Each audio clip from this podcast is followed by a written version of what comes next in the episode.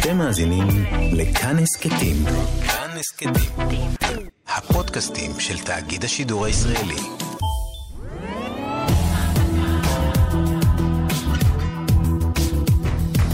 עכשיו בכאן תרבות, מכת שכין עם ענת שרון בלייס.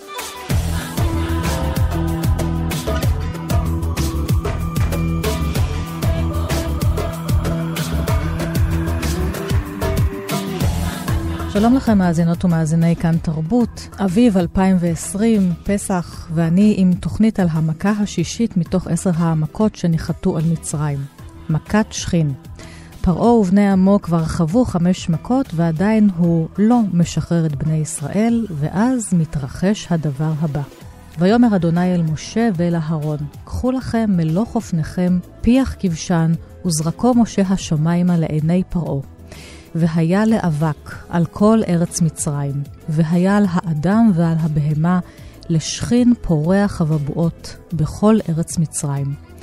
ויקחו את פיח הכבשן ויעמדו לפני פרעה, ויזרוק אותו משה השמיימה, ויהי שכין אבבואות פורח באדם ובבהמה.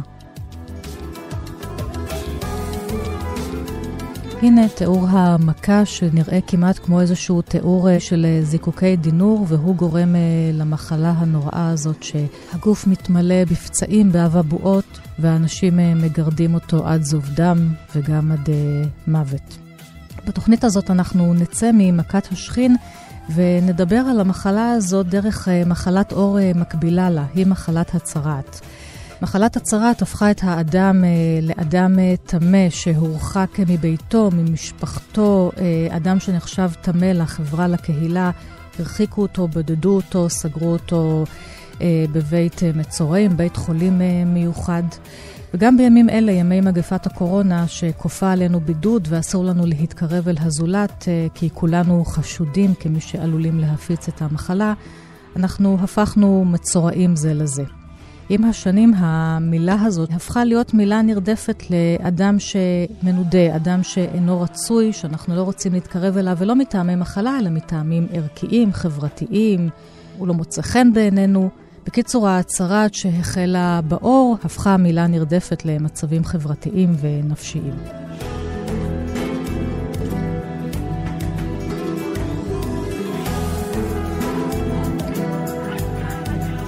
אני אדבר בתוכנית הזאת עם אה, הסופר חיים באר על אה, השכין ועל מחלת הצרת, בעיקר אה, בכתיבתו של עגנון וברומן הידוע שלו, הרומן שפורסם לאחר מותו שירה, ואחר כך עם הצייר יונתן הירשפלד נדבר על פניה של המחלה באומנות.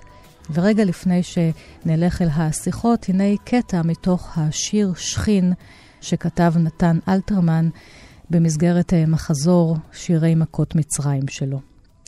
על קיר והחצרות פרוס הנגע דק, שקערורים ורודים או לובן וירקרק, ואיש רואה בשרו אשר הנץ פנינים, כראות אויב הקם עליו בסכינים. צרועה עמון, צרועים שווקיה בשנתם, צרועה שתיקת רעים, צרוע יין גיתם. צרוע בכי חליל אשר נולד בלי רבב, אבי, קורא הבן, בכורי, עונה האב. אבי שאני אב אל נהרות וגיא, אבי מלטני אב, פן לא תראני חי, אורי עלי כאש, ינשוך ולא ינום, אל שחר, אל מחר, שאני אב רחום. וזה השיר הקשה, השיר שכין של נתן אלתרמן, מתוך שירי מכות מצרים שלו.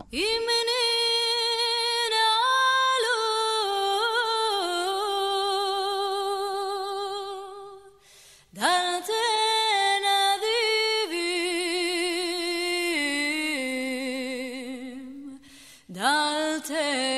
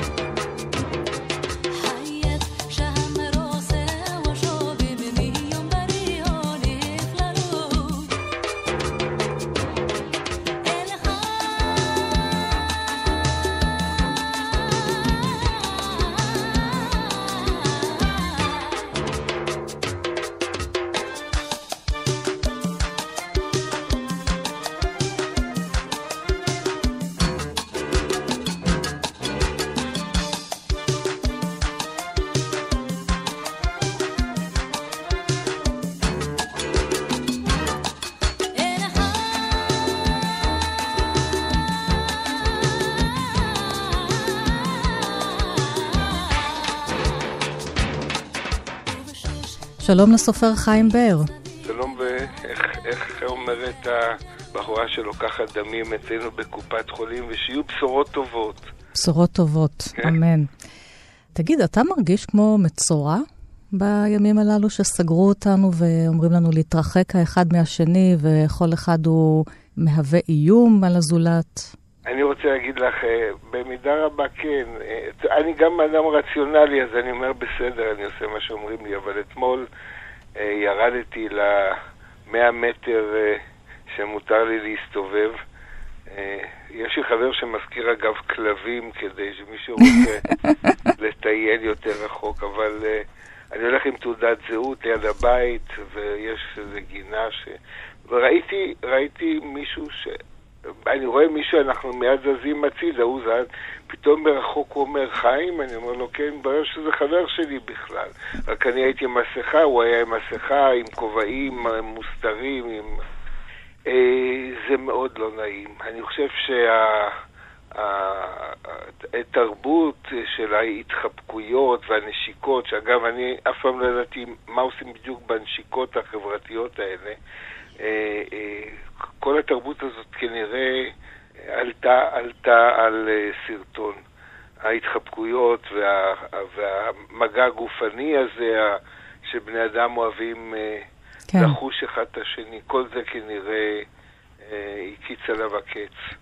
פתאום המגפת קורונה היא סוג של כמו איזה מכת שכין שניחתה עלינו.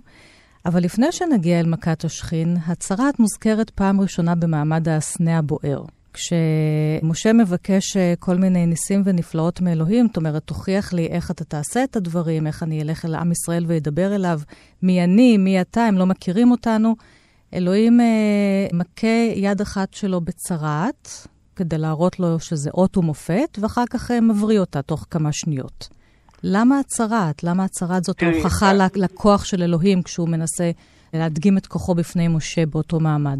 הצהרת המקראית היא מחלה שאנחנו בעצם לא יודעים מהי. אה, זאת אה, מחלה מאוד אה, חריפה, אבל היא יכולה לחלוף מיד. זאת אומרת, יש לנו הסיפור של מרים, שהיא... נכון. תכף נגיע למרים, אני עדיין רוצה להישאר עם... אז, אז האמת היא שאצל משה, אני חושב שאלוהים, כשהוא רוצה להראות עד כמה הוא יכול לפגוע במישהו, עד כמה הוא יכול אה, אה, להכות אותו במכה פתאומית, זה הדבר. אבל, אבל אני אומר שהצהרת היא, היא, היא, היא מחלה לא ברורה. זאת אומרת, זה משהו שאנחנו לא יודעים אה, את טיבו. כי הצהרת של היום היא מחלה אחרת לגמרי, היא מחלה כרונית. אני, אני רוצה אבל לספר לך אה, משהו קטן אה, מעגנון בעצם בענייני השכין. אני ניסיתי לבדוק איפה יש אצל עגנון שכין, ובעצם כמעט שאין, אבל יש בהכנסת כלה סיפור קצר. הוא, הוא כותב כך, יצא רב יודל, זה הגיבור של הכנסת כלה, יודל חסיד, מאושני, ונכנס לקק ססוב. ססוב זאת עיר שהיה שם אה, צדיק אה, שידוע באהבתו הגדולה לבני אדם. הוא אומר שאותו צדיק, רבי משה לייב מססוב, טמון שם. טמון שם, זאת אומרת שהוא אה, קבור ובעצם הוא מקרין על עירו סוג של מגן. הוא הקדוש שהיה משתתף בצערו של כל אדם כאילו צערו, והיה מפרנס יתומים מכיסו, וחופף ראשם ומרפאם מן השכין. השכין הייתה מחלה שגרמה לאנשים להירתע, להתרחק. כן. אדם מוכה שכין, כמו אדם מצורע, עוזבים אותו, נוטשים אותו. עוזבים אותו, אפילו, אפילו לפי התלמוד הוא צריך אה, להתגרש מאשתו. כן. כופים עליו גט. הוא היה אומר, כל שאינו יכול למצוץ בפיו דם השכין של תינוק בישראל, לא הגיע לחצי אהבת ישראל. אילו באנו לספר כל צדקתו, לא היינו מספיקים. וכאן אנחנו רואים משהו מן הקדושים הנוצריים אה, שהיו בתרבות הפרבוסלבית, במרחבים האלה, הקדוש מה שמוריה קורא לזה, נדמה לי, נשיקה למצורע. כן. זאת אומרת, היכולת, היכולת לחבק, היכולת ל, ל, להתקרב אל אדם שהוא באמת דוחה אותך. ויכול להדביק אותך ולגזור כן. עליך גזר דין מוות. כן.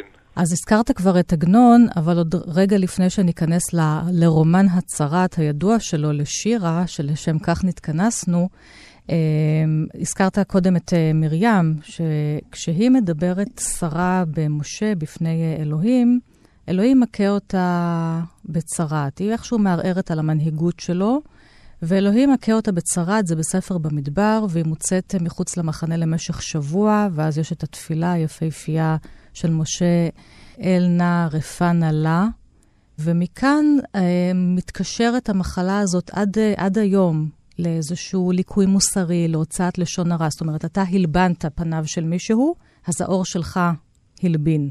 כן, אה, משה, אני חושב שהיא לא מערערת אה, בקריאה שלי, על כל פנים, על פי, על פי ספרות חז"ל, היא... אה, מוטרדת מעניין אחר בענייני משה, היא מדברת עם אחיה.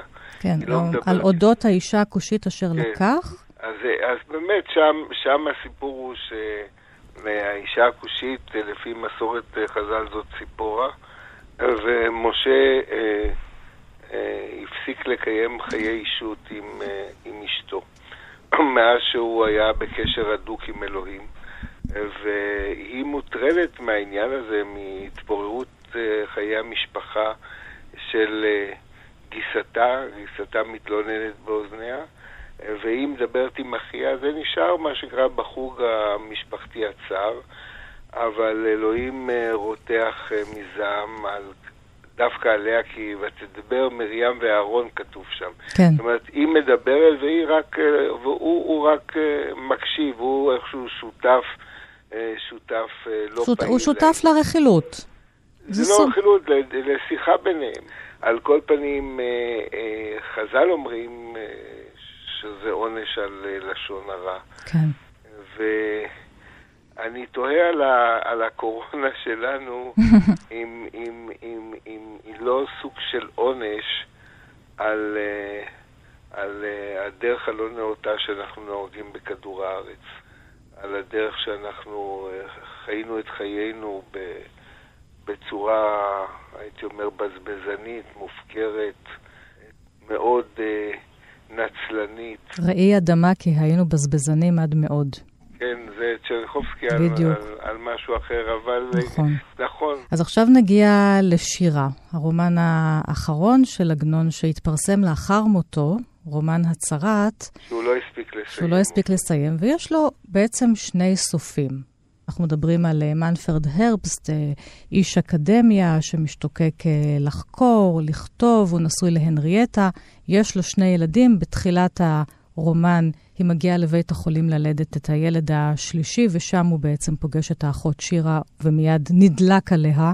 בטירוף. הם בעצם כמעט לא נפגשים. אולי יש ביניהם איזו פגישה אחת או שתיים, וה, והרומן ממשיך ומתייחס לנושא האקדמיה, ומה זה המחקר האקדמי מול התשוקה להיות אומן. הוא נקרא בין שניהם מנפרד הרבסט. הסוף הראשון שהתפרסם בשנת 71, בתשלה, שירה נעלמת.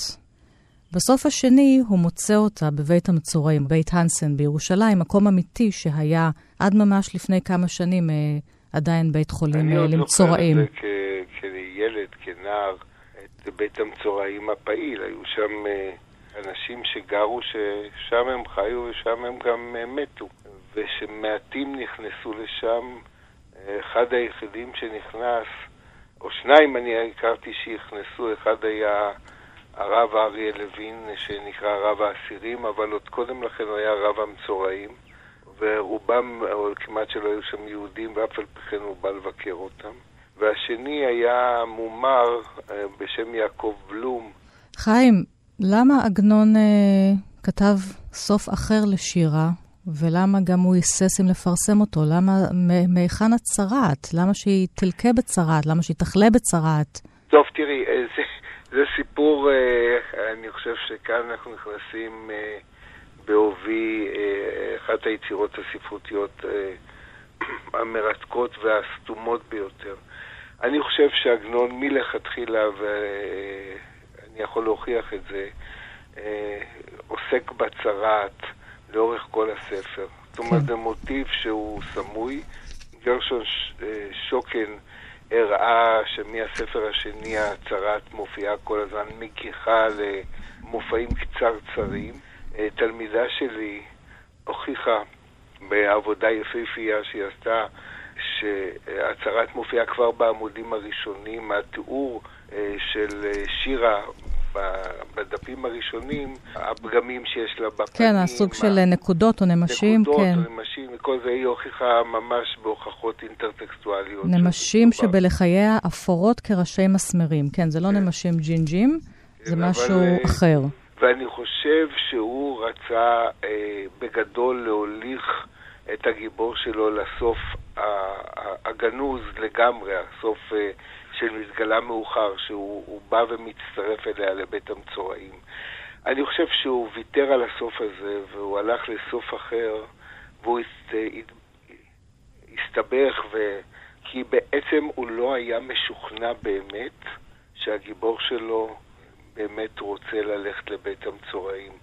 בעד עולם... זה, זה סיפור. אה, קצר אחר שלו, של כן, עגנון, עד עולם. אבל הגיבור אה, הולך לבית המצורעים, כי יש שם כתב יד אה, מכוסה במוגלה, אבל שיגלה לו את האמת, ובמחיר האמת הוא מוכן לשלם בחייו ובבריאותו. כפי שאמרת, גם יש פה באחד הביקורים שלו בחנות ספרים בירושלים, הוא נעמד שם לפני uh, ספרי אומנות, והוא רואה תמונות, uh, כנראה של ברויגל או של אנשים uh, מבני דורו. נכון.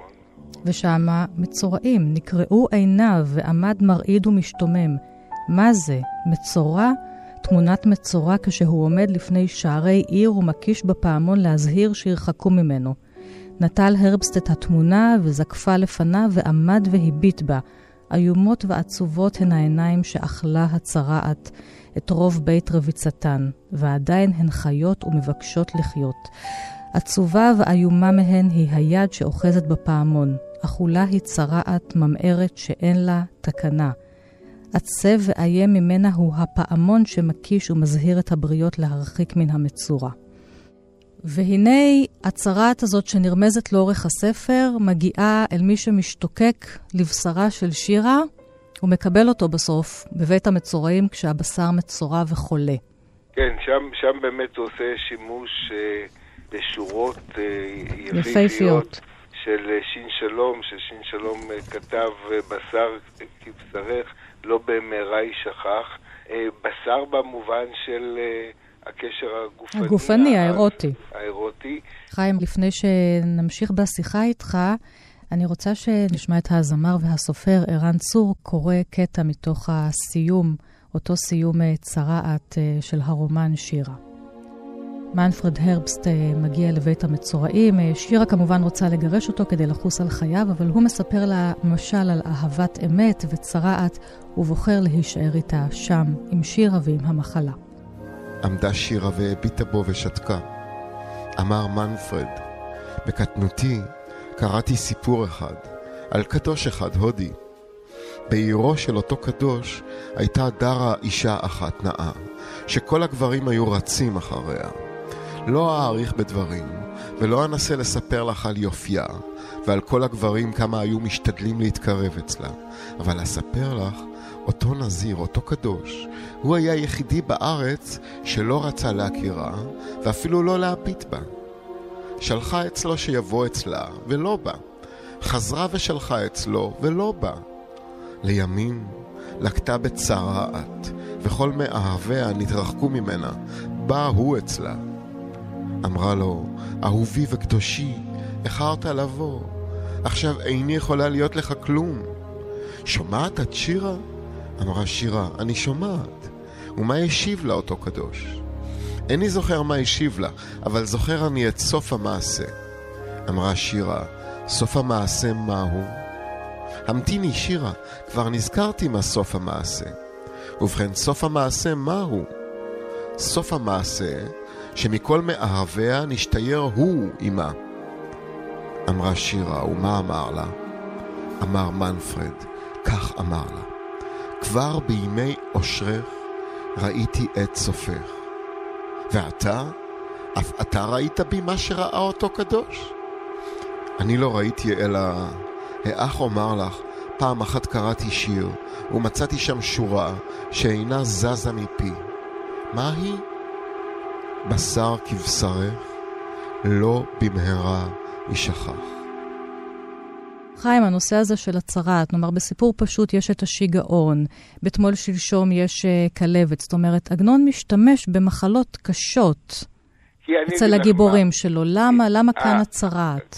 עגנון משתמש במחלות כי זה בעצם הדרך היחידה של uh, uh, בני אדם בעלי מערכת מוסרית אה, לחמוק מחובות. אה, כולנו בעצם עכשיו משוחררים מחובות, זאת אומרת, מסתכל ביומן שלי, בלוח שלי, ואני רואה אה, אה, כל מיני התחייבויות, אין להם שום משמעות יותר. כי אם, אם אנחנו חולים, או אם אנחנו בגלל מחלה סגורים בביתנו, אנחנו פטורים מאחריות ציבורית. ואני חושב שזאת הייתה דרך, אה, גם אצל ברנר ובעקבותיו אצל עגנון, אה, שהגיבור, שהוא מגיע לאין כניסה. הגיבור שעומד ברגע אה, לפני, לפני אה, איך אומרים, תמרור עצור, הוא לא יודע לאן ללכת. הדרך שלו לחמוק, של עגנון, לגרום לגיבור בעצם להשתחרר ממחויבותו, זאת, זה החולי. זה השיגעון. הירש מאוד לא מאושר בחיי נישואיו עם אשתו. כן, הירש של גיבור תמול שלשום, והוא פשוט בוחר בשיגעון.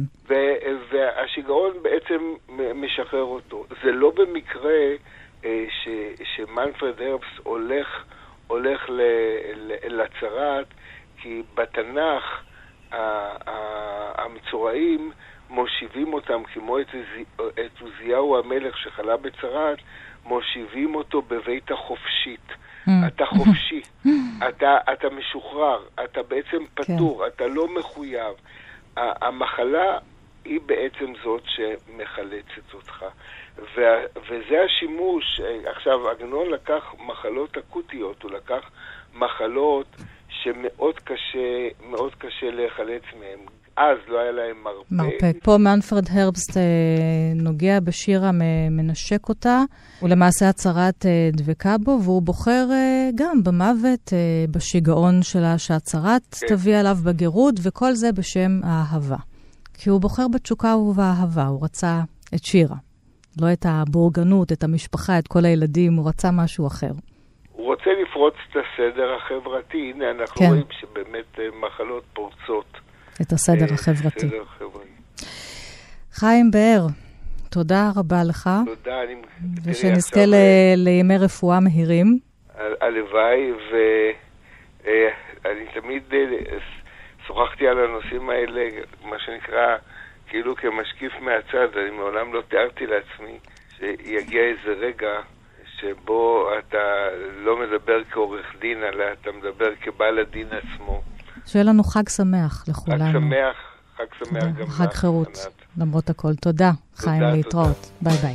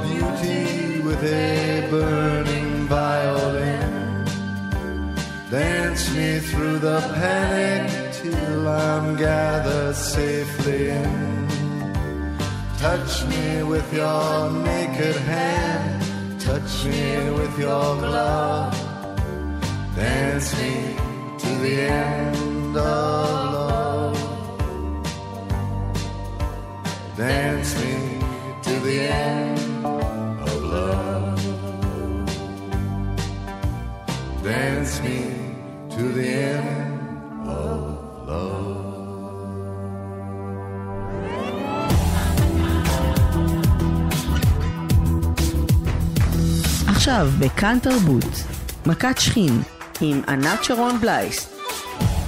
שלום לצייר יונתן הירשפלד. שלום. אתה גם כותב על אומנות, יש לך טור אה, נפלא ומחכים שמסתכל על אה, ציורים ואומנות אה, בעיתון הארץ בימי שישי. ודיברתי קודם עם חיים באר והזכרתי ציורים של ברויגל על צרעת, וכנראה מבני דורו, שמרנפרד הרבסט רואה בחנות ספרים ברומן שירה. ואיתך אני אכנס ממש פנימה, אל פני האור, מה שנקרא הסקין, כדי לגמרי. לדבר על המחלה הזאת.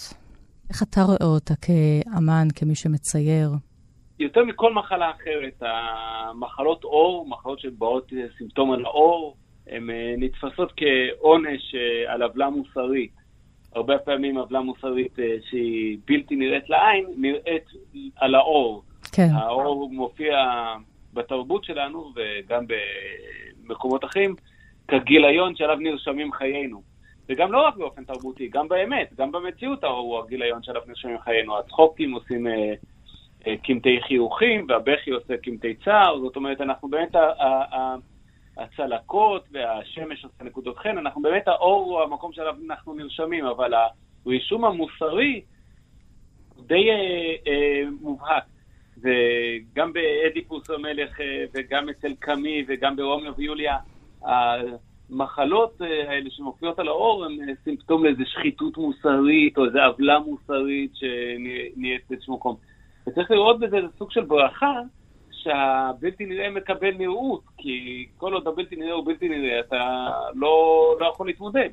נתחיל נגיד עם ציורים קלאסיים. דפדפתי וחיפשתי כל מיני ציורים, הזכרנו קודם את ברויגל, שבאמת המצורעים שם מסתובבים עם פעמון ועם גלימות כאלה כדי להזהיר אנשים שלא יתקרבו אליהם. אבל לרמברנט יש ציור של המלך עוזיהו, שחלה בצרעת, וגם הרחיקו אותו מן העם שלו. מה לרמברנט ולמלך עוזיהו ולצרעת? מה עניין אותו לצייר את הדיוקן שלו? תראי, רמברנט הוא דוגמה מרתקת אה, לסוגיה יותר, אה, יותר מורכבת אה, ממה שאפשר לגעת בה. תראי, קודם כל, רמברנט מתעניין מאוד באור. אה, אולי הצייר שהציור שלו עצמו הוא הציור הכי גופני בציור המערבי. הציור עצמו הוא דיוקן של ה... כשהוא מצייר את האור של מישהו, זה, זה דיוקן של, של הציור כאור, כפני שטח. אור אה, בעין, אנחנו מתכוונים. כן, לגמרי. הציור עצמו הוא שמנוני, הוא מתקלף, הציור עצמו הוא שכבתי, הציור עצמו, עצמו הוא אפידרמי. Uh, הצהרת, uh, uh, כמו שהתחלתי להגיד מקודם, שכיוון שהיא סימפטום ויזואלי של תכנים נפשיים, הרי מה יותר סימפטום ויזואלי של תכנים נפשיים מהציור הרמברנטי? כל התזה הרמברנטית, כל הדיוקן הרמברנטי, המצאת הדיוקן הרמברנטי נשענת על זה שבאמצעות הכתמים הוויזואליים על בד הוא יכול לתת את האמת של הרוחני והנפשי. תראי, לפני רמברנט, אה, ואפילו עד ממש חמש דקות לפניו ועוד בתקופתו, רוב הדיוקנאות לא, היה, לא היו בעלי יומרה לחדור אל איזשהו מעבר. רוב הדיוקנאות היו סימנים אה, של מעמד, הוא מחזיק את הכובע הזה, את הכפפה הזאת, הוא עומד בתנוחה הזאת. רק אצל רמברנט ממש, אנחנו מתחילים לראות את הנפש המודרנית, רבת הסתירות, שהיא גם גאוותנית אבל גם אכולת ספקות, גם אה, למודת שכול, אובדן, כישלון, אבל גם גאווה פגועה. זה מעניין, בעצם האור האכול, הוא מדבר איתנו על זה שהאדם אכול ספקות, המורכבות הזאת, זה מעניין. כן, העיסוק של רמברנט באור אה, פותח לנו צוהר למחשבה של הציור כאור, הציור כפני שטח סימפטומטיים של תכנים נפשיים. כן, עכשיו, אתה התעסקת בזה גם בתערוכה שעצרת, ששמה היה פשיטה. ורומזת לפשיטת אור, ושם חיפשת אומנים שמשהו בציור שלהם עוסק באור, בסקין, כמו שאמרנו, כסוג של ביוגרפיה שלנו, כסוג של סימפטום אה, לנפש, כגבול בינינו לבין העולם. האור הוא הגבול בין הפנים שלי לבין העולם החיצוני. כן, תחשבי על עצמך, אה, בוא נחשוב על עצמנו כעל שק של תכנים נפשיים. מהו השק, איפה כל התכנים האלה נמצאים? בתוך האור. נכון. Uh, מה, איפה אנחנו נגמרים ומתחיל העולם? באור. איזה אינפורמציה אנחנו מקבלים על העולם, אם הוא נעים או דוקר, מה מזהיר אותנו מפני העולם? האור. זאת אומרת, uh, uh, הרבה ציור, ואני התמקדתי בציור ישראלי, אבל כמובן הדוגמה המובהקת היא של רמברנד, שאיתה פתח, אבל הרבה ציור נוגע בדיוק בסוגיות האלה של...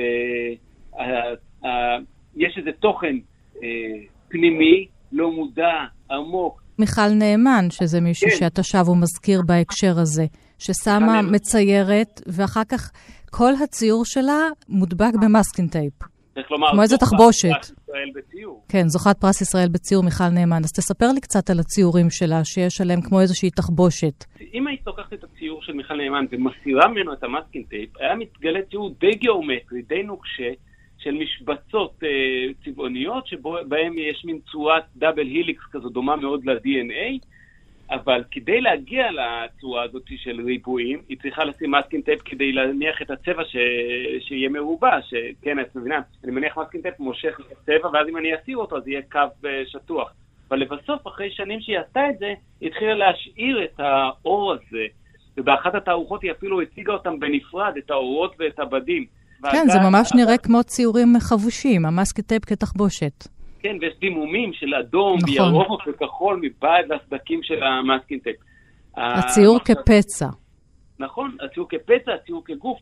את יודעת, אחד הציורים המעניינים בתולדות הציור המערבי הוא הדיוקן הסמוי של מיקלאנג'לו אה, כעורו הפשוט מעליו של ברטולומיאוס הקדוש ביום הדין האחרון. ומיקלנג'לו לא כל כך אהב ציור, הוא העדיף את הפיסול. בפיסול יש משהו מאוד יפה של גילוי. אתה מתחיל עם האבן והעבודה שלך חושפת את הדמות שהייתה מגולמת בה תמיד. אתה כביכול פוסל את הפסולת, כן. וזו פעולת הפיסול, ומשאיר את הדמות. ובציור יש איזה משהו ההפך, אתה רק מסתיר, אתה רק מוסיף שכבות, אתה רק אה, עורם, אה, את יודעת, בעברית למשל, בגדים קשורים לבגידה, נכון. למעילה. יש איזה משהו שכשאתה מסתיר, אתה לובש, אתה, אתה, כן, אתה מסתיר את האמת הערומה. ופה בציור הזה של מיקלנג'לו, כדמותו של אה, האור הפשוט, הוא כאילו גם מביע איזה קצת נפש מפעולת הציור הזאת, מהאוריות של הציור, וגם כמובן מספר לנו על איך הוא מרגיש. כן, או כמו סמרטוט הוא מרגיש, כן, מזקנה, מעייפות, ממובסות. והדבר הזה שהמטאפורה של האור כציור אה, כל כך אה, מרחיקת לכת, כל כך הולכת עמוק לשורשי התרבות שלנו, מהמיתוס היווני ועד ימינו.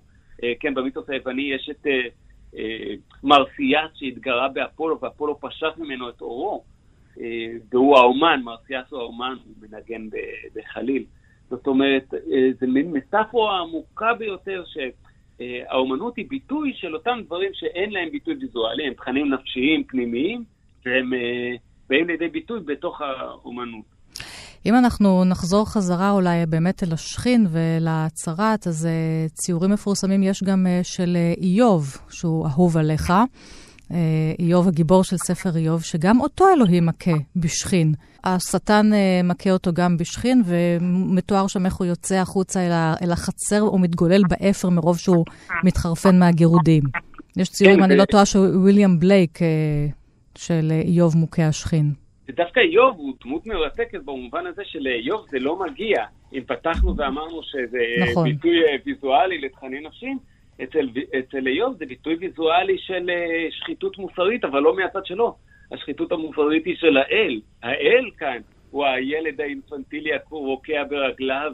כן, האל כאן הוא איזה שורה של דחפים, קמאיים, אה, מעניש, כועס, עצבני, לא שופט, לא שולט בעצמו, מוסת על ידי השטן. כן, ויצא השטן מאת פני אדוני, ויח את איוב בשכין רע, מכף רגלו ועד קודקודו. נכון, יש טקסט מאוד מאוד יפה ומפורסם של אה, יונג, שנקרא תשובה לאיוב, ובו הוא מציע את המחשבה שכמו ש... מה, מה הבעיה של השוביניסט? שהוא לא יכול לחיות בשלום עם הנשיות שלו, אז הוא שונא נשים, אז מה הבעיה של אלוהים? הוא לא יכול לחיות עם ה... שטניות שבו, עם הצד הרע שלו. כן, לא, ההפך, הוא לא יכול לחיות עם הידיעה שלו, עם התובנה שלו, עם העובדה שהוא יודע, הוא רוצה להיות כמו האדם. ועל כן הוא שונא את האדם ונוקם באדם. במה הוא נוקם? הוא נוקם באיוב, הוא לא נוקם בשטן, כן? כן. האל מתנקם באדם בגלל שהוא בסתר אדם, הוא בסתר יש לו ידיעה אנושית, אה, ידיעה טוב ורע. כן. עם זה הוא לא יכול לחיות. אה, ומעניין שוב, אבל שהשכין הזה, אותה מכת אה, מצרים, המכה השישית, חוזרת בספר איוב, היא נזכרת עוד הפעם, דווקא המכה הזאת. אני חושב שבכלל הטקסט התנ"כי, כמו הטקסט המיתולוגי וכמו הרבה ציורים שדיברנו עליהם, אה, מאוד מאוד רגיש לעובדה שכל אה, מיני מחלות עושות כל מיני דברים, אבל מחלות על האור, הן פותחות את הפתח לדיון פילוסופי ומוסרי. כיוון שהאור, כמו שאומר הפסיכואנליטיקאי הצרפתי דידיה אונזיה, האור הוא האני, הוא האני, כן. הוא הגילום הפיזי של האני ה... הביוגרפיה שלנו נראית על פני האור שלנו. אולי לסיום, אה, יונתן הירשפלד, איזושהי תמונה מפורסמת נוספת אה, מן התרבות הקלאסית של אה, צרעת, שאתה רוצה לחתום כן, איתה? כן, הייתי, הייתי רוצה לחשוב על שני דימויים. כן. אולי אפילו שלושה, כמה שתתני לי זמן. אחד, הייתי רוצה להגיד ש... יש אצל טינטורטו, יש שורה של ציורים של מגפות ושכין ודבר וכל מיני וחולים, אה, הצייר טינטורטו. טינטורטו, כן. אה, אחד המפורסמים בהם הוא סנווקו מרפא את החולים, ועוד אחד יפה זה שמשה עם, אה, עם נחש הברונזה, שעסוק בחולי המגפה שמטפלים עליו. ושני הציורים האלה קשורים לנושא שהוא יותר עמוק בתוך השיחה שלנו, ולא הצלחתי מספיק להעלות אותו, והוא שהמגפות או המחלות האלה, הן קשורות לרנסאנס, הן קשורות ל... ברגע שיש אסונות כאלה, ו... ו... אז מתחילים להתערער, מתחילים לשאול על הסדר החברתי, ומה שקורה אצל טינטורטו בציורים זה שהציורים מאוד פרועים, אה, אין אחדות הזמן והחלל, אין אחדות התאורה, ויש תחושה שהציור הישן, הרפאלי, שטוף השמש, המובן מאליו, שבו אפשר לקרוא את המציאות והיא בהירה, מתחיל להתערער. וזה על רקע גילוי אמריקה, על רקע התחושה שהמפות הישנות המלאות שלנו בעצם התמלאו בנקודות ריקות עם סימני שאלה, על רקע העובדה שאנחנו מתחילים להטיל ספק יותר ויותר בהאם אנחנו באמת יודעים, וההכרה בבורות תהיה תחילת החשיבה המדעית, ואולי הציור הכי קשור לשכין, והכי קשור באמת למחלות עור, והכי באמת אה, פותח את הדבר הזה לדיון ברמות הגבוהות שלו, הוא הצליבה באסנהיים של גרונבלד, נמצאת היום בקולמר בצרפת. ישו המעוות מכאבי המחלה, אצבעותיו מתעוותות, הכפות רגליים שלו מתקמרות, פרצופו ממש קרוע מייסורים, והחוקרי המחלות יכולים ללמוד את הסימפטומים של שכין ו... אה, וצרעת ממש מ... מ, מ כן, כל הגוף שלו מנוקד, מה... מנוקד, בפצעים. מנוקד, ממש אפשר ללמוד, זה ממש, זה ממש טקסט רפואי כמעט. וזה ציור שצויר עבור מנזר שבו טיפלו בחולי מחלות עור כאלה. והמסר היה שלחולים, תראו, גם האל סבל. זאת אומרת, הסבל מטהר, הסבל, אה, אה, אנושיותו של ישו נותנת לגיטימציה. הרי תראי, אם אל הימי ביניים, ישו הימי ביניים היה אל, הישו הרנסנסי הוא אנושי, ואנושיותו נותנת אה, אה, ערך לקורבן שלו, כי מה הבעיה אם אתה קורבן ואתה אל, אז אין שום קורבן, אז עשית כאילו, אבל רק אם האל הוא באמת בן אדם, אז זה שהוא מת על הצלב, זה באמת נחשב. והציורים האלה שבהם רואים את ישו לא כאיזה אפולו שרירי עם ריגון בבטן, אלא כבאמת בשר מעונה, יש בהם המון נחמה. וזו גם שאלה עמוקה על היכולת של אומנות להציע נחמה. אז אנחנו נחתום בהצעת הנחמה שלך. האומנות, אה, נקווה שהיא מציעה לנו נחמה גם בימים אלה. שכין, צרעת, אה, האור שלנו, הסקין, פני האור שלנו. תודה לך, יונתן הירשפלד. תודה לך. וחג שמח, להתראות. ועכשיו נשמע שוב את אה, ערן צור קורא את שורות הסיום של הרומן שירה, הסיום השני שלו, שלא ראה אור בפרסום המקורי, כאשר מנפרד הרבסט מוצא את שירה בבית המצורעים בירושלים, והוא בוחר להישאר עמה שם. בוחר באהבה ובמחלה. בפתאום החזיר פניו כלפי שירה ואמר, והוא, כלומר אותו הודי, הוא נשתייר עמה. בפתאום שינה קולו ואמר לה, אותו הודי אעשה אף אני, אני אשתייר עמך, שירה. בפתאום נטל ידה של שירה בידו ואחז אותה. ביקשה שירה להוציא ידה מידו, אבל הוא אחז את ידה בדבקות, עד שליפפה הזיעה את ידה ואת ידו. אם שהוא אוחז את ידה, הרכין פיו על פיה ונשקה. עת רבה נשארו שפתיה תלויות מעצמן בשפתיו. ופתאום שמטה פיה מפיו, ונגבה בידה את שפתיו, אחר כך נגבה את שפתיה. אם שהיא עשתה כך, חיבק אותה באהבה וקרא שירה, שירה.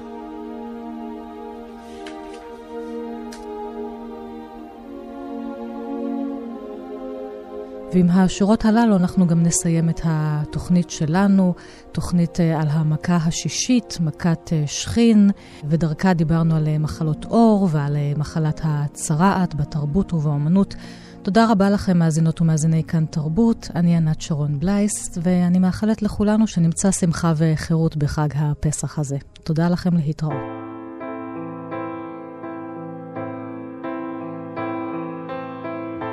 האפל הנסתר בעולמנו המר. אומרים שיש עוד תקווה, קוראים לזה אהבה ומחכים לבואה. בין האתמול לעתיד, בין האוצר לתחתית, אומרים שיש עוד תקווה, קוראים לזה אהבה, ומחכים לבואה.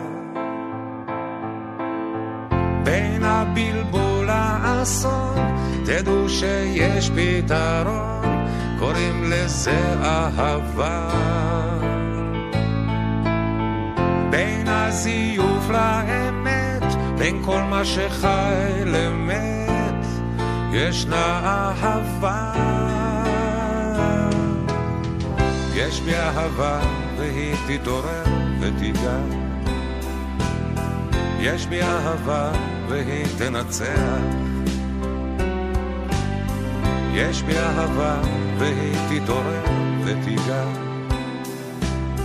יש בי אהבה והיא תנצח. בין השפיות לשינה, בין הילדות לזקנה, אומרים שיש עוד תקווה, קוראים לזה אהבה, ומחכים לבואה. בין האתמול לעתיד, בין האוצר לתחתית, אומרים שיש עוד תקווה, קוראים לזה אהבה, ומחכים לבואה.